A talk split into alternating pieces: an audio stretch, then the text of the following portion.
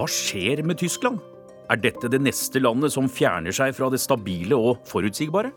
Ich hoffe, dass es alles wieder sich normalisiert. Han håper det snart blir normale tilstander. Også av hensyn til Europas fremtid, siden situasjonen også er spent der. Italias gamle leder vil ha en general som statsminister, mens Frankrikes president hever stemmen i Afrika. Du snakker til meg som om jeg er en koloniherre. Jeg kommer fra en generasjon som ikke dikterer Afrika, sa Macron. Dette er Urix på lørdag, som også stiller spørsmålet hva som skjer klokka 23 29. mars 2019 når Storbritannia går ut av EU. Jeg tror ikke det blir noe fyrverkeri. God formiddag. Jeg heter Anders Tvegård, og som vanlig, om drøyt 50 minutter åpner vi korrespondentbrevet, denne gang fra vår Asia-korrespondent. The yeas are 51, and the nays are 49. The Tax Cuts and Jobs Act, as amended, is passed. I årets tolvte måned klarte republikanerne i Senatet å få et knapt flertall for den største skattereformen siden 1980-tallet. En sårt trengt seier for president Trump, og det kan være det største tilbakeslaget hittil mot Obamas helsereform, nå som amerikanerne ikke lenger tvinges til å kjøpe helseforsikring. Men den uh, skattereformen er ennå ikke fullstendig vedtatt, fordi uh, representanthuset og Senatet har vedtatt to forskjellige uh, lovforslag, og disse to må nå samordnes. Og de håper man skal kunne skje før jul. Og mer detaljer finner du på nrk.no. For vi skal til en politisk krise i vår egen verdensdel. Over to måneder etter valget så er det fortsatt ingen regjering på plass i Tyskland. Forhandlingene i landet, har vært kjent for å være, i landet som har vært kjent for å være forutsigbart og stabilt. De er vanskeligere enn noensinne. Korrespondent Guri Nordstrøm i Berlin gir oss overblikket. Det summes i Willy Brandt-huset her i Berlin. Sosialdemokratene har kalt inn til pressekonferanse i hovedkvarteret. Kvelden før har Scholz, Merkel og Seehofer møttes på Bellevue-slottet. Invitert av president Steinmeier, som forsøker å få de tre til å finne regjeringstonen, slik at han slipper å skrive ut nyvalg og slik at dette uvanlige politiske sirkuset kanskje snart kan gå inn i sin siste akt. Also es ist neu, dass Deutschland so lange braucht, eine regierungsfähige Mehrheit auf die Beine zu stellen. Dette er noe helt nytt at Tyskland trenger så lang tid på å få stablet en ny regjering på beina. Vi regnet alle med at det skulle bli en koalisjon mellom CDU, De grønne og Fridemokratene, sier Christian Wilp, som jobber som kommentator for TV-kanalene RTL og NTV. Nå er den eneste stabile løsningen at det blir en ny storkoalisjon mellom CDU og Sosialdemokratene. Men dette er da to tapere som går sammen. To som tapte mye under forbundsdagsvalget og det er vanskelig å selge inn en allianse av tapere til offentligheten, mener han. Samtidig er mindretallsregjering også et vanskelig alternativ. For selv om dette egentlig handler om innenrikspolitikk, er det alltid et europaperspektiv til stede når ting ses med tyske øyne. Gegen eine Minderheitsregierung spricht ja, es ginge im Bundestag zu wie auf einem Basar. Jedes Mal müsste wieder ausgekungelt werden. Det blir vanskelig for Merkel, ikke minst når hun skal forhandle i EU, at hun hele tiden må gå tilbake til forbundsdagen for å se hvem hun kan få med seg på de viktige sakene, sier Will.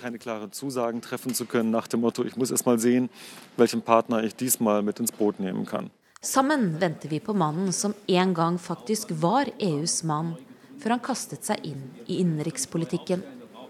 Han som etter valget hardnakket og gjentatt har sagt nei til å gå i regjering med Kristendemokratene på ny.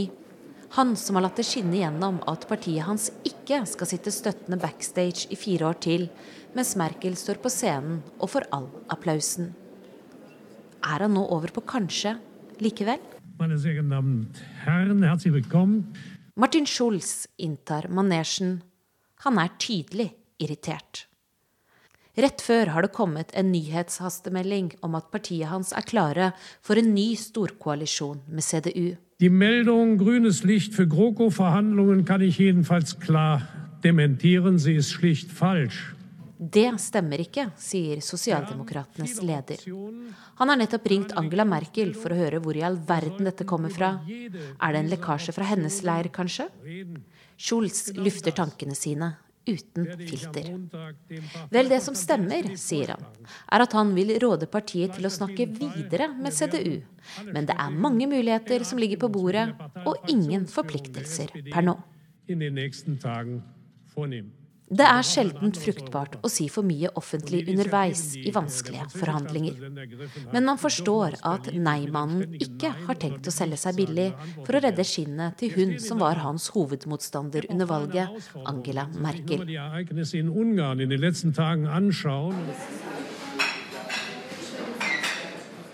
På en kafé et stykke bortenfor er Angela Heinrich raskt innom i lunsjpausen finde es eigentlich unzufriedenstellend, weil so wie die Politik jetzt gerade läuft, machen die alle ihre Hausaufgaben nicht. Jeg syns det er skuffende. Politikerne gjør ikke hjemmeleksa si, sier hun om den politiske forestillingen som tyskerne nå er tvungne til å se på. Äh, Pensjonisten Jürgen Ewald sitter på bordet ved siden av sammen med kona og et par venninner. Han er ikke overrasket over at Tyskland, som ellers har vært så stabilt, har havnet i denne situasjonen. Mye har vært skjøvet under teppet, mener han. Og nå kommer det til overflaten.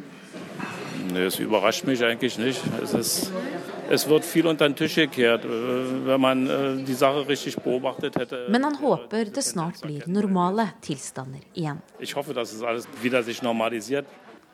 Også av hensyn til Europas fremtid siden situasjonen også er spent der. Et sterkt Europa trenger et stabilt Tyskland, og akkurat nå må partiene besinne seg og få til dette, mener han. Men uansett om dette politiske sirkuset nå forbereder seg på sluttnummeret eller ikke, så vil det ta tid før teppet går opp for en ny regjering. Tidligst i mars, blir det sagt. Men tysk politikk har i det siste vist seg vanskelig å spå noe som helst om. I eh, midten av mars går også mandatet for Italias nasjonalforsamling ut, og dermed tid for vårvalg. I en alder av 81 år gjør Silvio Berlusconi et politisk comeback. Mannen som oppleves som et hån mot metoo-bevegelsen, og som var Italias Donald Trump mer enn 20 år før originalen ble politiker. Berlusconi foreslår nå en general som landets neste statsminister. Arnt Stefansen har eh, satt sammen denne historien. Forza Italia, viva l'Italia!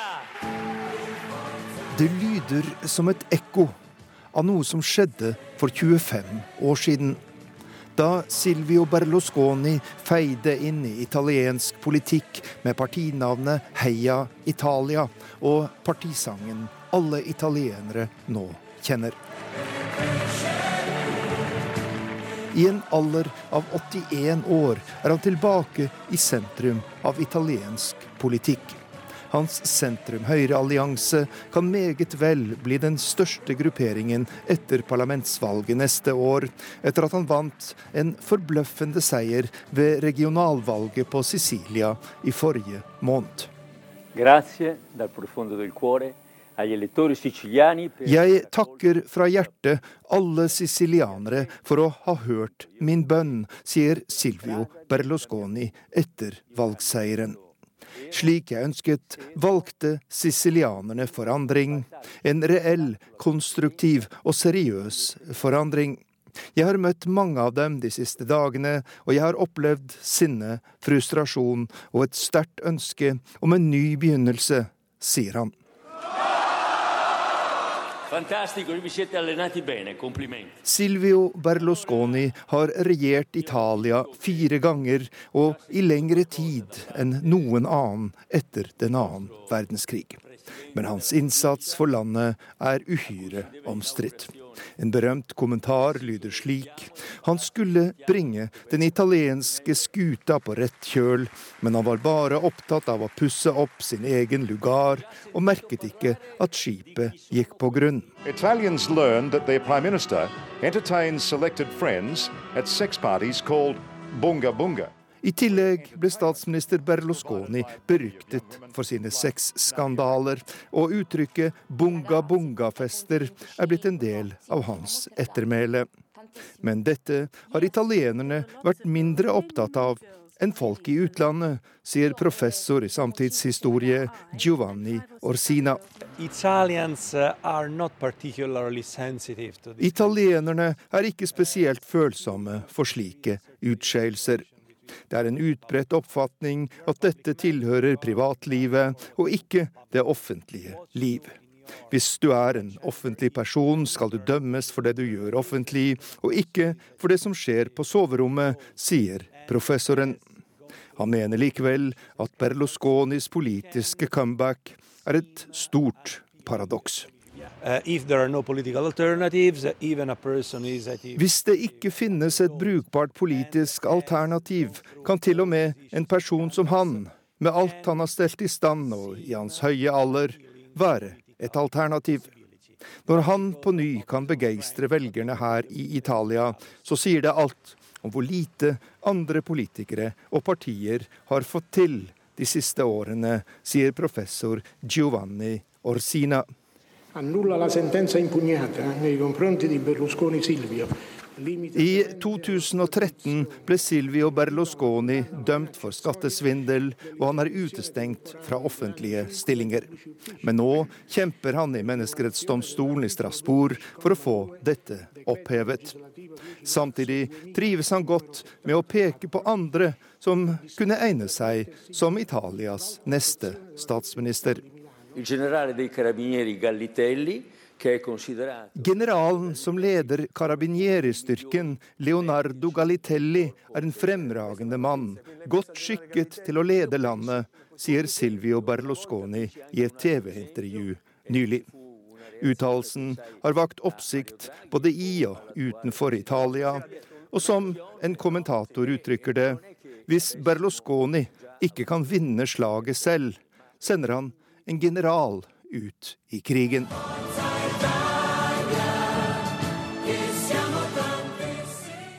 Krig. Ja, Det er et slags eh, stikkord for eh, fortsettelsen også. Etter avsløringer om tortur, voldtekt og til og med slavehandel i de omstridte venteleirene i Libya, er nå lederne i Den afrikanske og europeiske union enige om å danne felles front. Målet er å stanse menneskesmuglerne, Ønsket er å tømme de over 40 leirene og få de unge som ikke har krav på beskyttelse, til å ombestemme seg, snu og reise hjem. Mer om det hvert øyeblikk. For vi starter med Frankrikes president, som brukte toppmøtet i Elfenbenskysten som en anledning til å ta en rundreise i Vest-Afrika. President Emmanuel Macron tatt imot som en rockestjerne i Burkina Faso. I samme land Demonstranter med brennende plakater med bilder av Macron. Fransk imperialisme står det på plakatene.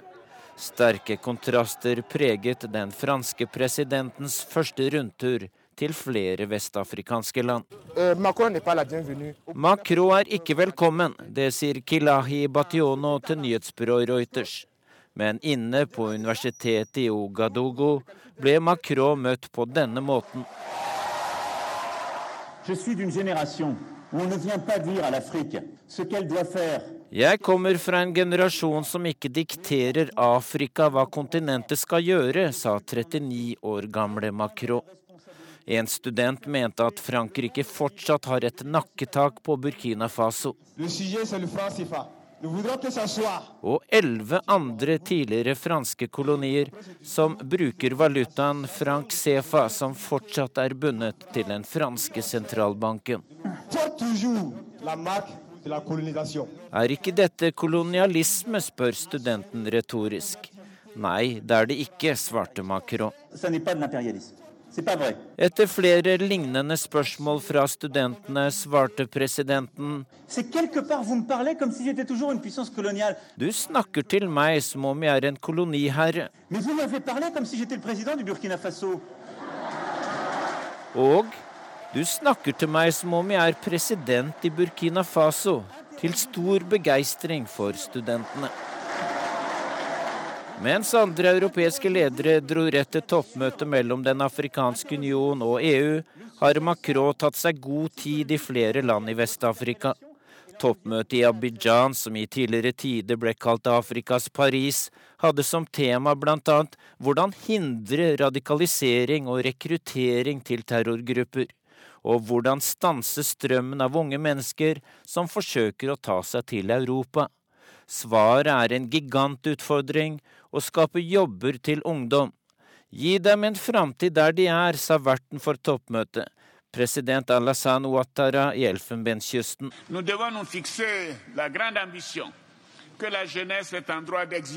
Vi må være ambisiøse, det krever ungdommen. De siste ukers avsløring av tortur, voldtekt og til og med slavehandel i leirene i Libya, der tusener venter på å dra videre over Middelhavet, har sjokkert verdens ledere. Les récentes images atroces de migrants vendus en Libye Grusomhetene må få oss til å handle nå. Det sa FNs generalsekretær Antonio Guterres.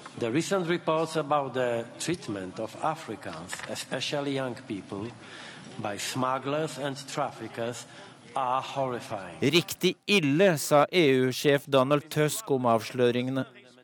Sammen skal AU og EU etablere en utrykningsstyrke.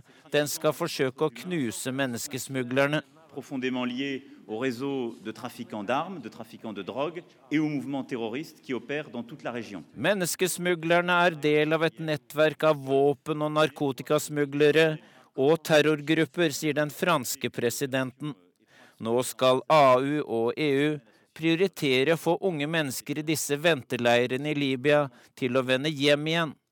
Ifølge FN har 13 000 snudd og dratt hjem i år, 4000 av disse til Nigeria. Men det er ingenting i forhold til trafikken motsatt vei. Siden 2015 har 1,5 million mennesker fra Asia, Midtøsten og Afrika tatt seg inn i Europa. Dag Bredvei orienterte.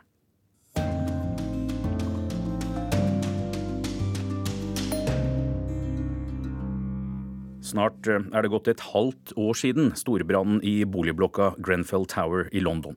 71 mennesker mistet livet. Hvordan har det så gått med de overlevende? Neste rapport kommer fra vår London-korrespondent.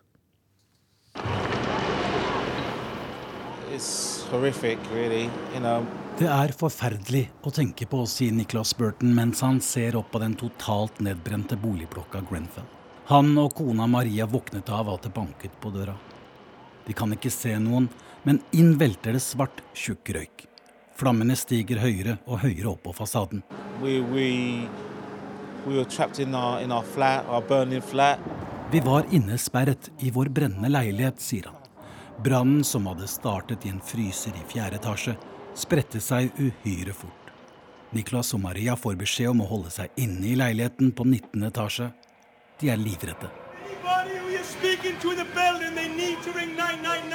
Etter to og en halv time kommer det en røykdykker. Nicholas sender hunden deres, Louis, et siste blikk. Snart kveles den av røyken og varmen. Med våte håndklær rundt seg tar de trappene fatt. Nede på bakken er det kaos, og ekteparet kommer bort fra hverandre. Maria er brannskadd og sterkt medtatt. Niklas er svimmel av all røyken. Han frykter at kona har mistet livet. Jeg klarer ikke sove om natten lenger. Jeg er vanligvis en rasjonell person, men jeg får det ikke til, sier han. Etter ti timers desperat leting finner han kona på et sykehus i nærheten. Nicholas viser meg et bilde som ble tatt av de to ved sykesenga. Gjensynsgleden kan ikke beskrives med ord. Men tankene på alle naboene som døde, er tung. Her er mine naboer, sier Niklas og peker på en plakat som er hengt opp på en murvegg.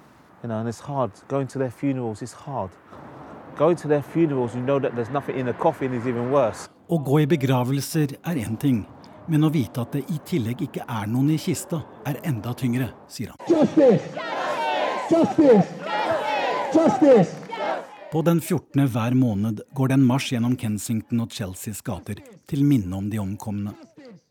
Foran er det noen som bærer et grønt hjerte med påskriften Grenfell. De krever at noen blir stilt til ansvar for brannen. De hadde sagt fra om dårlig brannsikring, men ble ikke hørt. Og byggets nye kledning kan ha bidratt til at brannen spredte seg så hurtig.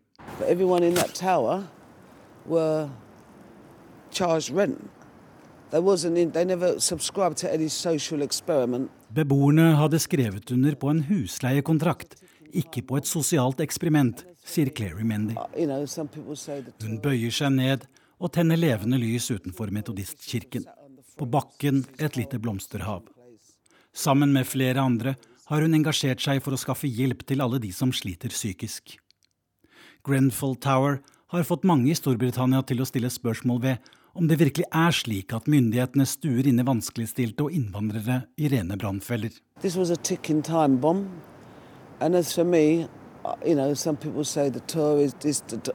Dette var en tikkende bombe.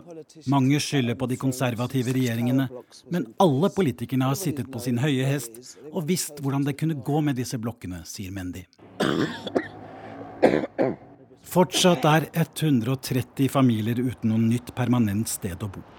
Niklas Burton var ute av sykehuset etter fem uker. Kona er der fortsatt. Hver kveld er han på besøk. De ser en film eller bare holde hverandre i hendene. Jeg vet ikke når hun kommer ut, så dette tar ikke slutt. Forhåpentligvis kan vi snart få bo sammen igjen, sier han. En etterforskning er satt i gang, og regjeringen har bevilget en stor sum til de etterlatte. For Niklas og kona er det en fattig trøst. I don't think we'll ever get over it. The trauma of that day has, has changed us. Traume har endret oss. Jeg vet ikke om vi noensinne kan komme over dette, sier Niklas Burke. Øyvind Nyborg, London. Vi skal eh, holde oss på de britiske øyer i ukas podkast fra NRKs utenriksredaksjon. Beslutningen er tatt og datoen er satt, men hvordan blir skilsmissen? Om få sekunder. Først en oversikt over nyhetsbildet. Den amerikanske spesialetterforskeren som gransker russisk innblanding i presidentvalget, og om medlemmer av Trump-kampanjen var involvert, har slått hull i gjerdet rundt Det hvite hus med tiltalen mot Trumps tidligere sikkerhetsrådgiver Mike Flynn. I've seen the headlines about General Flynn. It's obviously concerning and, and, and disappointing. We have got more work to do. I want to bring back Jared Kushner. Perhaps other dominoes will now fall.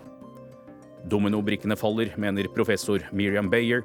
Republikaneren Ted Cruz er bekymret, mens demokraten Mark Warner varsler nye innkallinger i den parallelle kongresshøringen.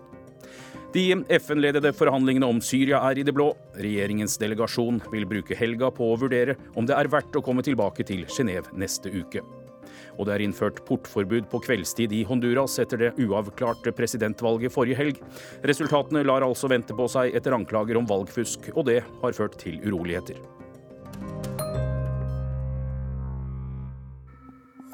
Hva skjer fredag 29. mars i 2019 klokka 11 om kvelden?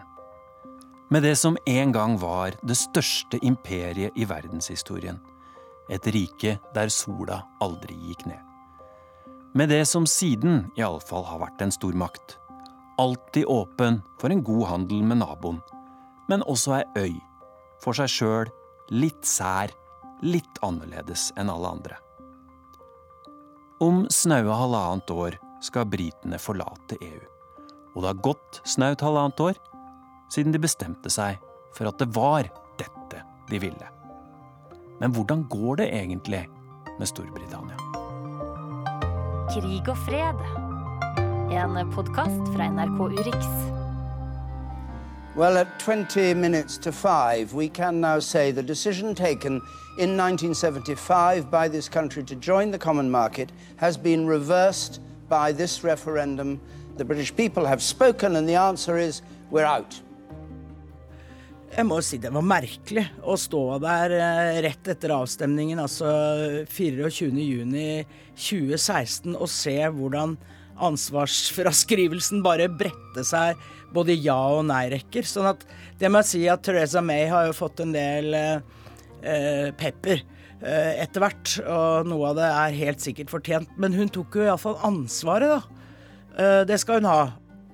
The British people voted for change, and it is the job of this government to deliver it. That means more than negotiating our new relationship with the EU.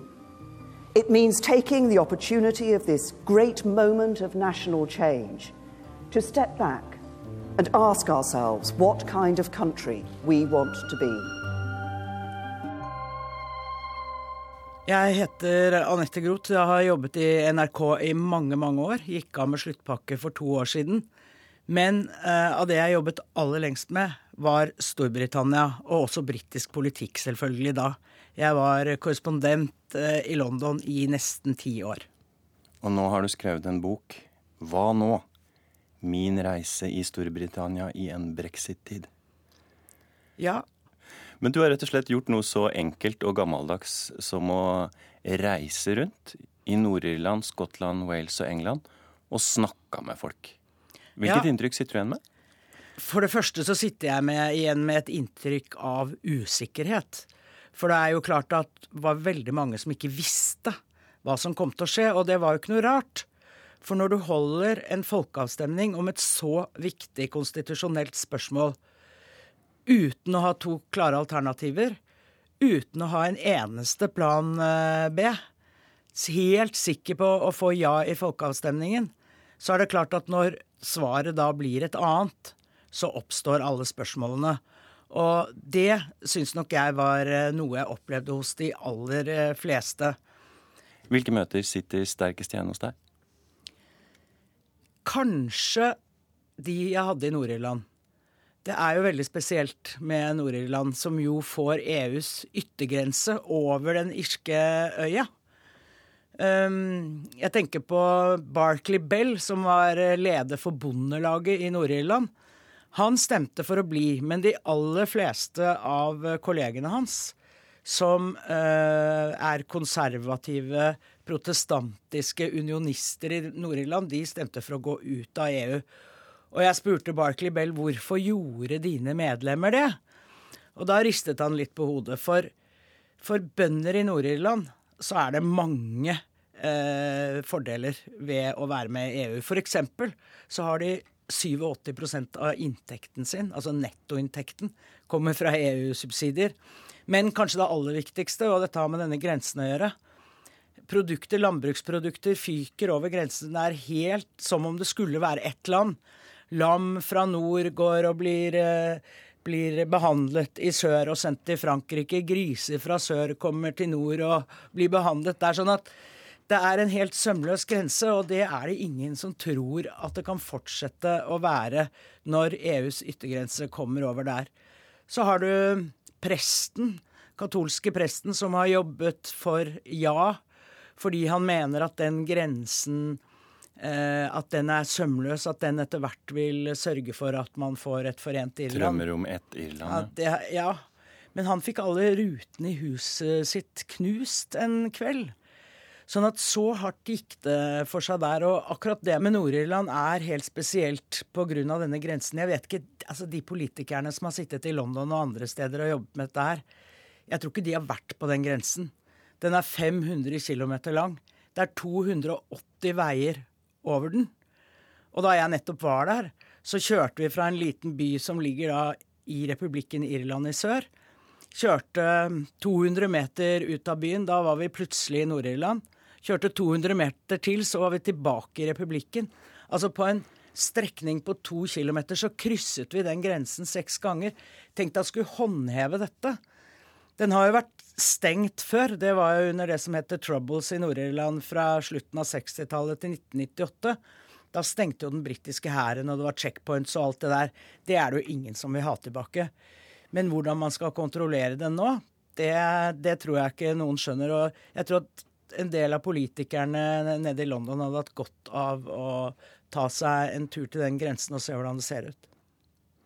Men sånn overordna England stemte for å forlate EU. Skottland stemte for å bli. Wales stemte for å forlate, og Nord-Irland for å bli.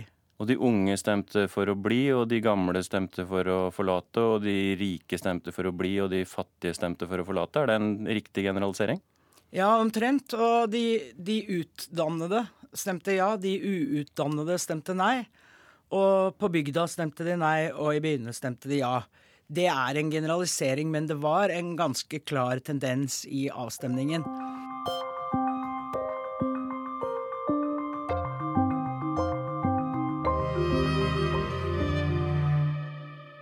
I've been uh, living in the UK for nearly 25 years. Um, I'm originally uh, French and Italian, and I also am Canadian. Um, and when I moved to the UK, I was struck by what an open minded, globally wired, cosmopolitan society I was living in. And this wasn't even in London, this was in Birmingham. Uh, but there was an openness and a kind of ease that people had about being British, um, which I really liked. So, my name is Catherine Fieschi, and um, I live in London. I set up my own think tank and consultancy called Counterpoint. And you wrote to me that you eat, sleep, and breathe Brexit. How do you feel now after having a year and a half on such a diet? Well, it's pretty toxic. I'd like to say that I've lost weight. um, and I think that the world has changed, and I think that, that Britain has changed, and unfortunately, Brexit is a is a consequence of that. But it's a it's quite a different country from the country that I moved to 25 years ago. I just read in the New York Times that uh, nobody knows what Britain is anymore. Is the country in a sort of identity crisis? I think that um, I think that it is in an identity crisis. Um, you know, I, as somebody who who feels very much at home there, um, after June of 2016 and the referendum, I had moments where I thought that this was not at all the country that I thought I knew. And when I spoke to my British friends, they actually said the same thing back to me. And they said, Well, we're British, and this isn't the country that we thought we knew. Um, so I think that, yeah, this, this betrays um, a sense of, of, of profound uh, crisis. Now, what's interesting about it is that a lot of the people who who did vote to leave the EU would tell you that they're actually very, very clear on what Britain is, um, and that Britain was in danger of no longer being Britain. So I think yes, there's an identity crisis and a, and a very big divide in Britain. And I think what's interesting about it is that actually the socioeconomic divide is a little bit more blurred than we think, um, in that there are, uh, you know, strong pockets of people who who actually are economically doing quite well, but still not at ease with these kinds of major changes in Britain. And so there's an argument there to say that actually they feel culturally excluded rather than economically excluded. And the two don't necessarily coincide. So to sum it up, there's there's an inward looking isolationist Britain, and then there's an open global Britain, and then there's some remnants of an old, glorious, powerful international Britain? Well, I think that there's a there's the remnants of a, an old um, Britain that you know still thinks it's an empire, um, and some of those would have voted to leave the EU because they think that the EU constrains Britain, constrains Britain in its trade, constrains Britain in its sort of international personality, if you like. So there's there's some of that nostalgia at play. It's a very powerful sentiment, I think, that is still there. Um, and then there is uh, a Britain that feels unprotected, uncared for where the jobs have disappeared because there was very little protection, say, against um, Chinese steel, for example. You know, deindustrialized Britain, um, which is um, scared and vulnerable. Um, and then I think that there is a that there is a, a, a Britain that is much more plugged into the knowledge economy, um, into the service economy that is more urban, that is younger, um, and that is eager to take advantage both of the world, but for them Europe is part of that world and it's part of their identity.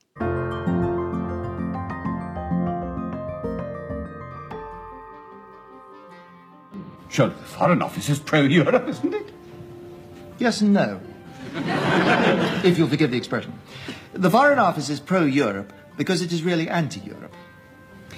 Britain has had the same foreign policy objective for at least the last 500 years to create a disunited Europe.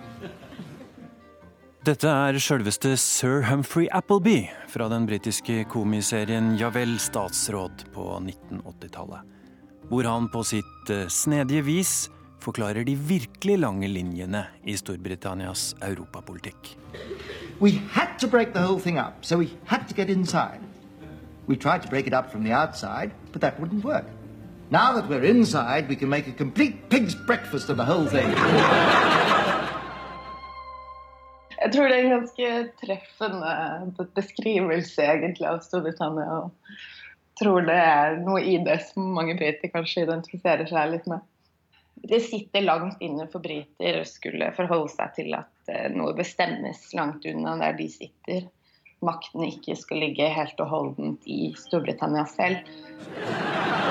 Surely we're all committed to the European ideal. Really, minister? Jeg liker EU, men jeg tror rett og slett at de var litt sånn halvhjerta på det fra, fra dag én.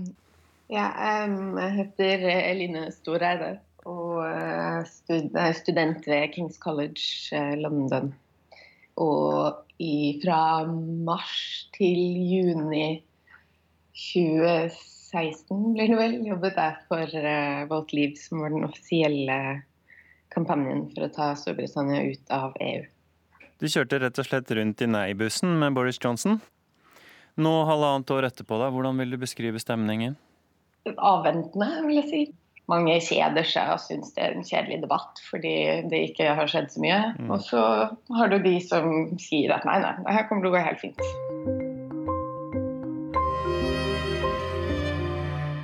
Um, I mean, I'll give you an, just a small anecdote. When I lived in Birmingham, in Birmingham, there's a beautiful symphony hall. Um, and everybody goes. Great, great success of making culture really accessible to a whole city. It's a beautiful place. And everybody thinks that Birmingham built it. Behind the building, in the shadows, near a telephone box where you can barely read it, it says this building was built with the structural funds of the European Union. Nobody ever tells the people of Birmingham that that's who built the Symphony Hall. Um, I think that, you know, the politicians missed a trick there. you seem to describe Brexit as a mess, basically. It's a huge mess. Um, it's a huge mess. Theresa May was left holding this Brexit baby, um, whereas she had been a Remainer. You know, so here you have a woman who had actually said that leaving the European Union you know, would be a, a colossal mistake. And she's now in charge of organizing leaving the European Union. Uh, that, you know, that is a mess.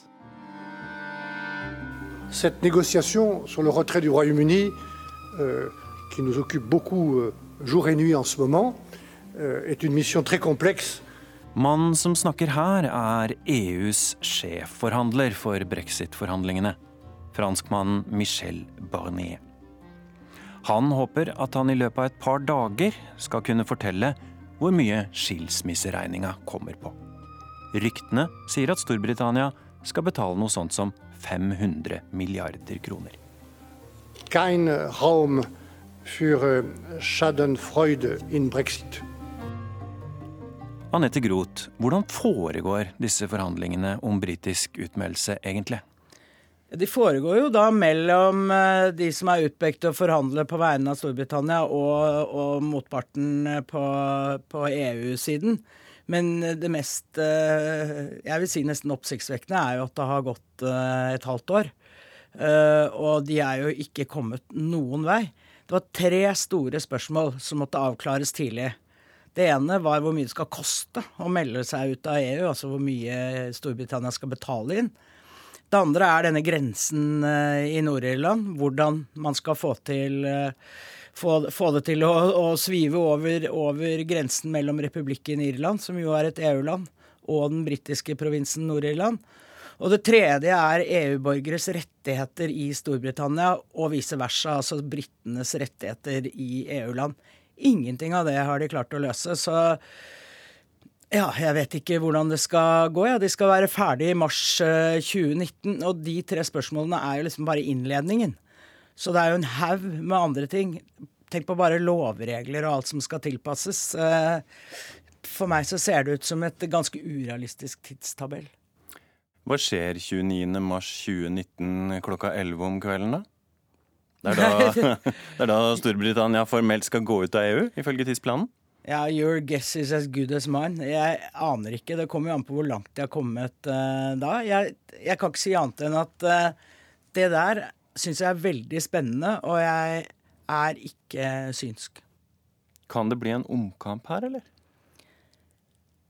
Du skal aldri si aldri, men jeg tror jo egentlig ikke det. Fordi um, da vil det jo bli et ramaskrik, tror jeg, blant dem som har stemt uh, nei og stått veldig sterkt på det. Og slik det har vært uttrykt fra den britiske regjeringen og i uh, iallfall uh, flertallet i det britiske parlamentet, så er brexit brexit, og man skal ikke ha en ny avstemning. Potentially things can go wrong. What could go wrong? What are the biggest stumbling blocks, basically? Um, the biggest stumbling blocks uh, would be, you know, an even weaker uh, government, where our European Union partners may not feel that there's any point making a deal with a prime minister who may not be in power for very long. There are those who argue that there's the possibility of things going so badly that actually you could rerun a referendum or you could put the decision uh, uh, to the people about the deal that's been clinched and, and actually, in a sense, not go through with Brexit. I think that's highly unlikely. But, you know, some, some people argue that there's still a very marginal chance that that could happen. Um, there are people who argue for a second referendum now because things are going so badly. I would caution against it. I think any impression that politicians or policymakers um, are trying to overrule the last referendum. I think the anger is so deep in Britain that we would actually possibly see some kind of civil unrest. It would be dramatic.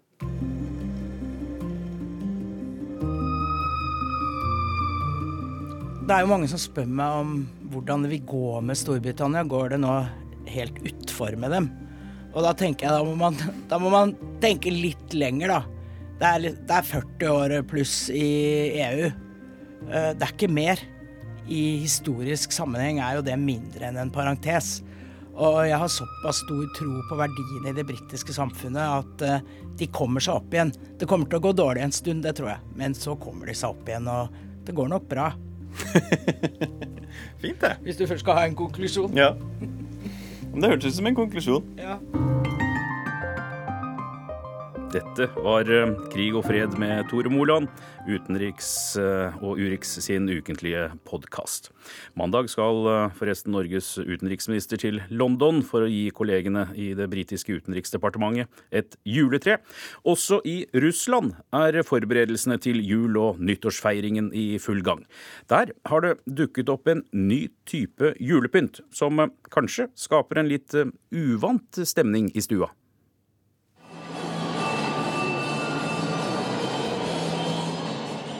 Det tradisjonsrike varehuset Gom i Moskva er pyntet til jul. Musikk, lys, stjerner og glitter skal sette folk i riktig stemning. Men skal vi være helt korrekte, så er det nok nyttår det dreier seg mest om. I Russland er inngangen til det nye året fortsatt den største familiefesten med nyttårstre og gaver. Og så kommer den ortodokse julen en uke etterpå.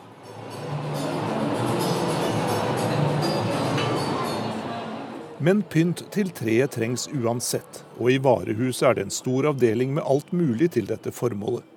På kulene er bildemotivene ofte fra russiske eventyr, eller idylliske framstillinger av iskald vinter. Men i år har det dukket opp noe helt nytt, nemlig et sett med kuler som har fått navnet Våre tradisjoner. Det er vakkert og godt utført, sier Julia Guba, en av kundene i varehuset. På kulene er det bilde av en stridsvogn, et jagerfly, et kamphelikopter og et pansret personellkjøretøy. Settet med militærinspirert julepynt koster 2000 rubler, eller om lag 280 kroner. Ikke alle er begeistret.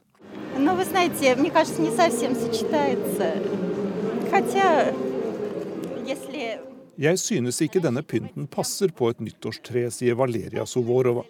Hun vil heller ha noe mer romantisk, noe som har med høytiden å gjøre. Я думаю, что лучшая елочная игрушка – это доброта, что-то связанное с детством.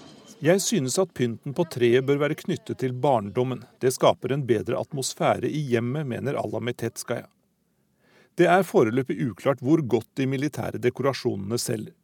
Det militære står sterkt i det russiske samfunnet, og landet satser mye på å styrke og modernisere forsvaret. Så det kan bli en god del familier som lar bombefly og stridsvogner sette preg på høytiden som snart er i anmarsj. Ja, og det sa Jan Espen Kruse. Posten har vært her med ukas eh, korrespondentbrev. Det er fra Myanmar, der Asia-korrespondent Kjersti Strømmen nylig var. Jeg skulle akkurat til å si takk for nå og ha det bra. Da så han på meg med urolige øyne og spurte om han kunne få noen ekstra minutt. Det var noe viktig han måtte si. Jeg svarte at eh, ja, da tar vi det med det samme. Nei, sa han, ikke her. Han kikka nervøst rundt seg da vi satt i en krok i en resepsjon. Vi måtte gå en annen plass, en plass der ingen kunne høre oss. Ok, jeg foreslo at vi satte oss ned på en benk en etasje høyere oppe, der var det ingen.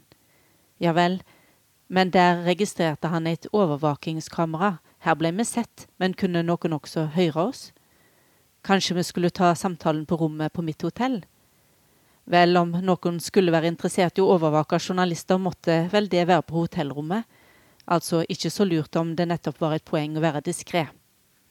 Det beste er trolig ute på gata, sa jeg. Tålmodet mitt var ikke på topp. Jeg måtte få unna alt arbeidet før jeg pakka kofferten og kom meg av gårde til flyplassen i Yangon. Natta før hadde det blitt jobbing til seint, og denne dagen hadde blitt langt mer hektisk enn jeg hadde venta. Jeg kjente stresset pulsere et slikt stress som kommer når det er så mye en skal rekke at en helst bør springe, men likevel er tvungen til å ta det sakte. Myanmar var litt slik. Folk hadde god tid. Det hadde ikke jeg. Han hadde mye på hjertet. Informasjon jeg allerede hadde fått høre, og på kort tid også hadde fått erfart noe av. Det handla om harde fronter. Men ja, hva var det som var så viktig akkurat nå? Jeg måtte minne han om at jeg hadde dårlig tid. Klokka gikk, og jeg måtte produsere, hva var det han ville fortelle? Det var da jeg så det i blikket hans, alvoret i hans lange utredning. Vi hadde møtt og konfrontert folk med mye makt. Han var redd. Kunne jeg holde kontakten? Kunne jeg ringe han eller skrive hver dag og slå alarm om jeg ikke fikk svar? I noen veker i det minste? Kunne han gi mitt telefonnummer til sine foreldre? Bare sånn i tilfelle han plutselig forsvant? Vakre Myanmar. Dagen før hadde vi vært på Svedagon-pagodaen, som glitra i gull under en blå himmel. En fredelig plett der lågmælte buddhister mumla ut sine bønner til høyere makter. Munker i rødbrune kapper rusla rundt kritthvite tempel blant vanlige dødelige. Andre satt i stille meditasjon ved enorme statuer av Buddha sjøl. Buddhismen, den evige kampen om å få ro i sinnet, og om å få gjøre godt i verden slik at neste liv blir enda bedre. Godleik, nestekjærleik. Der som alt var rolig og vakkert, virka det helt absurd, disse historiene om at ikke bare soldater, men også ekstreme buddhister er med på utrenskinger av den muslimske minoriteten vest i landet. Flere enn 600 000 rohingyaer har flykta fra mord og overgrep i Myanmar siden august. For noen uker siden satt jeg sammen med flere kollegaer på ei strand i nabolandet Bangladesh, der vi hadde hørt at båter med flyktninger skulle komme i land Medan bølgene skvulpa mot oss, så vi røyken stige opp i det fjerne, trolig flere landsbyer satt i brann. Horder med flåger svirra rundt døde, oppsvulma kyr der vi satt. De hadde rekt i land fra båter som hadde kantra, kanskje akkurat der elvevatnet bryter med en stigende sjø. Bare mørket kom den kvelden, men neste dag, på ei anna strand, var det døde kvinner og barn som rekte i land. Rohingyaene risikerer livet for å komme til overfylte og sølete flyktningleirer. Det bygger seg hus av plast og bambus på hauger som stikker opp fra irrgrønne rismarker. Barna er underernærte. Mange er blitt foreldreløse og har sjøl vært vitne til grufulle overgrep og drap på sine næreste. Jeg møtte flere av dem. Jeg fikk høre om kvinner som blir voldtatt til døde, og barn som blir brente på bål. Jeg hørte den desperate gråten til ei mor som mista synet av sitt barn på veien, vel vitende om at mange av de små blir offer for menneskehandel. Hjerteskjærende er ikke et sterkt nok ord i møte med slike lagnader. Og da er jeg tilbake til det absurde. For i Yangon i Myanmar er det fornektinger som rår. Stop the blaming game. Det må bli slutt på alle disse skullingene. Det var budskapen fra en av de første jeg intervjua i Yangon, jeg møtte den tidligere informasjonsministeren Yetut da han talte på et seminar der framtida til Rakhine-staten ble diskutert. Det er nettopp der rohingyaene har rømt fra. Jeg spurte han om han mente at historiene jeg hadde fått høre i Bangladesh var sanne eller usanne. Han svarte at disse historiene om at barn blir kasta inn i flammer og folk blir brente levende og den slags, vel, om du ser på FNs rapport, så har de bare intervjua noen få personer, hevder han. Og det er jo ikke nok til å konkludere med folkemord. Han stolte ikke på det flyktningene sa til media. Ifølge Yetrut, som sjøl var bakgrunn for militæret, kan det virke som om rohingyaene dikter opp historier. Det kan virke som om terrorister blant dem manipulerer dem. Han sa at internasjonale medier bør være mer skeptiske, f.eks. når det gjelder historiene om at folk blir drepne ved å få sine struper skårne av, for det er jo slett ikke en vanlig metode å ta livet av folk på. Å stikke en kniv i magen eller i brystet på en person er jo måten slikt skjer på. Og barna som forteller at deres foreldre er blitt drepne på dramatisk vis.